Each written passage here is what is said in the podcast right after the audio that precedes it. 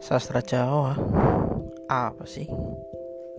Kadang-kadang orang tuh bilang bahwa sastra Jawa itu tidak menarik, tapi sesungguhnya enggak. Sastra Jawa itu sangat menarik dan banyak ilmu yang bisa saya dapat dari situ. Juga berbagai pengalaman yang akhirnya mendekatkan saya pada kehidupan.